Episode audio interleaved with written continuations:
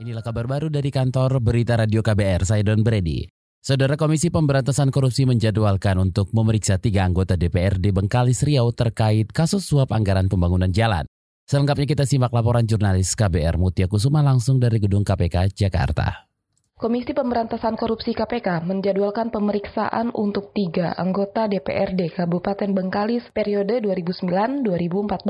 Adapun tiga orang saksi tersebut adalah Tamrin Mali dari fraksi Golkar, dan tiga orang lainnya dari fraksi Demokrat yaitu Anom Suroto, Hidayat Tagor Nasution, dan Jamadin Sinaga. Menurut juru bicara KPK Febri Diansyah, mereka akan diminta keterangannya sebagai saksi tersangka Bupati Bengkalis Amril Mukminin atau AMU. Bupati Amril merupakan tersangka suap pembangunan jalan Durisei Pakning di Bengkalis. Diketahui sebelumnya juru bicara KPK Febri Diansyah mengatakan KPK tengah mengusut dugaan aliran dana ke bekas DPRD Bengkalis. Hal itu disampaikan Febri setelah lima anggota DPRD sebelumnya diperiksa oleh penyidik KPK. Sementara itu Amril sendiri diduga telah menerima uang sebesar 5,6 miliar, baik sebelum maupun sesudah yang bersangkutan menjadi bupati.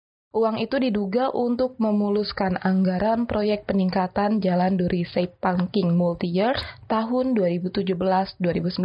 Pemberian uang itu diduga berasal dari pihak PT CGA selaku pihak yang akan menggarap proyek tersebut. Penetapan Amril sebagai tersangka merupakan hasil pengembangan kasus dugaan korupsi proyek peningkatan Jalan Batu Panjang Pangkalan Nyiri di Kabupaten Bengkalis tahun 2013-2015. Dari Gedung Merah Putih KPK, Mutia Kusuma, KBR. Pemerintah Provinsi DKI dan juga DPRD DKI Jakarta diimbau untuk lebih transparan dalam menyusun rancangan APBD untuk tahun depan. Pengamat perkotaan Yayat Supriyatna meng mengimbau hal itu karena Pemprov DKI sudah mengajukan kebijakan umum anggaran plafon prioritas anggaran sementara untuk APBD DKI 2020 dan harus disahkan pada 30 November nanti. Yayat juga mengingatkan dokumen terkait hal itu justru belum diunggah ke laman resmi APBD. Sebaiknya pun kalau terjadi pembahasan DPRD ngundang masyarakat aja. Katanya dulu mereka mau terbuka. Undanglah masyarakat. Masyarakat diundang itu pembahasan. Kan lebih fair, lebih menarik. Ini katanya terbuka. Jadi masyarakat bisa mengikuti. Buka pengumuman di website. Buka pengumuman uh, melalui media sosial. Warga masyarakat yang ingin mengetahui proses pembahasan anggaran, ya boleh mengikuti proses penganggaran. Jadi masyarakat bisa melihat apakah pembahasan anggaran itu dibuka terbuka atau tertutup. Pengamat perkotaan Yayat Supriyatna menyebut rancangan APBD penting untuk diketahui masyarakat karena bisa menjadi tolak ukur pelaksanaan program pemerintah ke depan. Apalagi pungutan pajak dari masyarakat juga menjadi sumber APBD.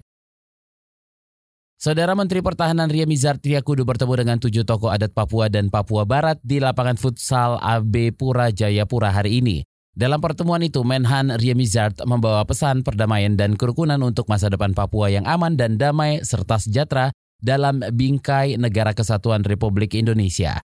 Ria Mizard mengatakan semua agama mengajarkan tentang kasih sayang dan perdamaian. Untuk itu, sudah saatnya masyarakat Papua melakukan kegiatan bersama, berkoordinasi dan bersilaturahmi dengan musyawarah untuk mufakat supaya tercipta perdamaian. Ada perwakilan dari tujuh masyarakat adat Papua yang hadir dalam pertemuan itu. Salah satu tokoh adat dari Papua Barat, Nando, mengatakan semua tokoh adat Papua mendukung komitmen Presiden Joko Widodo untuk memajukan tanah Papua.